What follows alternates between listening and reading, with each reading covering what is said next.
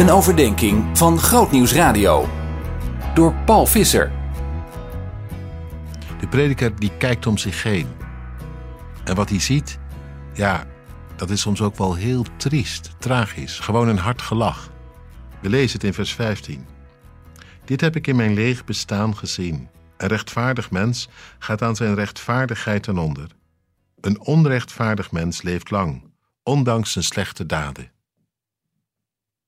Zo kan het gaan in deze wereld. Zo gaat het elke keer weer. Een mens die gaat voor recht en dat dan met de dood moet bekopen of met de gevangenisstraf.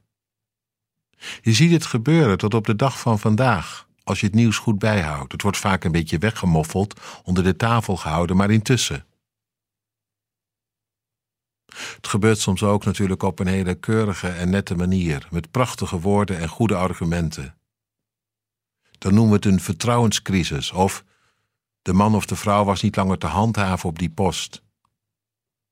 Maar intussen is iemand aan zijn rechtvaardigheid ten onder gegaan, omdat hij ergens de vinger bij legde, waar de andere partij niet van gediend was. Ach, je kent het allemaal wel. Het is zo herkenbaar als je het even tot je door laat dringen. Een sprekend voorbeeld is bijvoorbeeld de bekende dominee Martin Luther King. I have a dream, zo riep hij. Een droom van recht en van gerechtigheid voor de zwarte bevolking van Amerika. Het werd zijn dood. De droom die spatte uiteen, zo gezegd. Ik heb het gezien, zegt de prediker. Ja, weet je, het meeste heb ik het gezien in Jezus. Iemand die aan zijn rechtvaardigheid ten onder ging. Hij heeft enkel goed gedaan, zelfs Pilatus moest het toegeven. Wat voor kwaad heeft hij gedaan? En toen moest er van alles en nog wat worden geroepen, maar echt een eenparige getuigenis, dat kwam er niet. Ze kon alleen maar zeggen: weg met de man, kruisig hem. Jezus, aan zijn rechtvaardigheid ten onder gegaan. God, hoe kan het bestaan? Het klopt ook niet. Het is onrecht, het is fout en vals.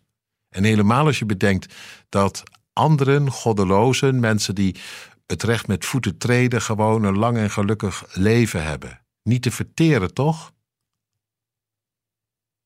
Nee, het klopt. Je hebt gelijk. Jezus aan het eind van die dag dood aan een kruis. En de rest gewoon vrolijk naar huis, om Shabbat te vieren. Het klopt voor geen ene meter. En toch, door dat schrijnende onrecht heen, ging God ooit zijn ongekende gang. De rechtvaardige hing, opdat al die onrechtvaardigen, die bloed aan hun handen hebben.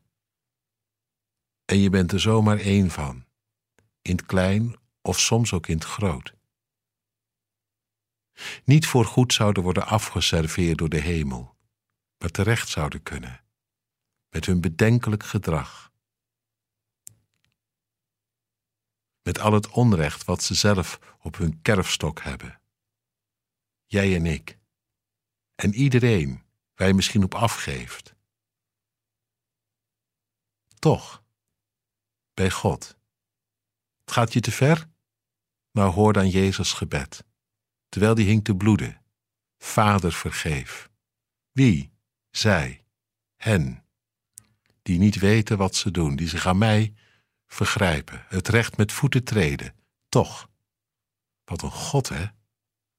Bij wie genade altijd het laatste woord wil hebben, al deugde het voor geen ene meter. Zien in nog een podcast? Luister naar Verhalen van Hoop via grootnieuwsradio.nl/podcast.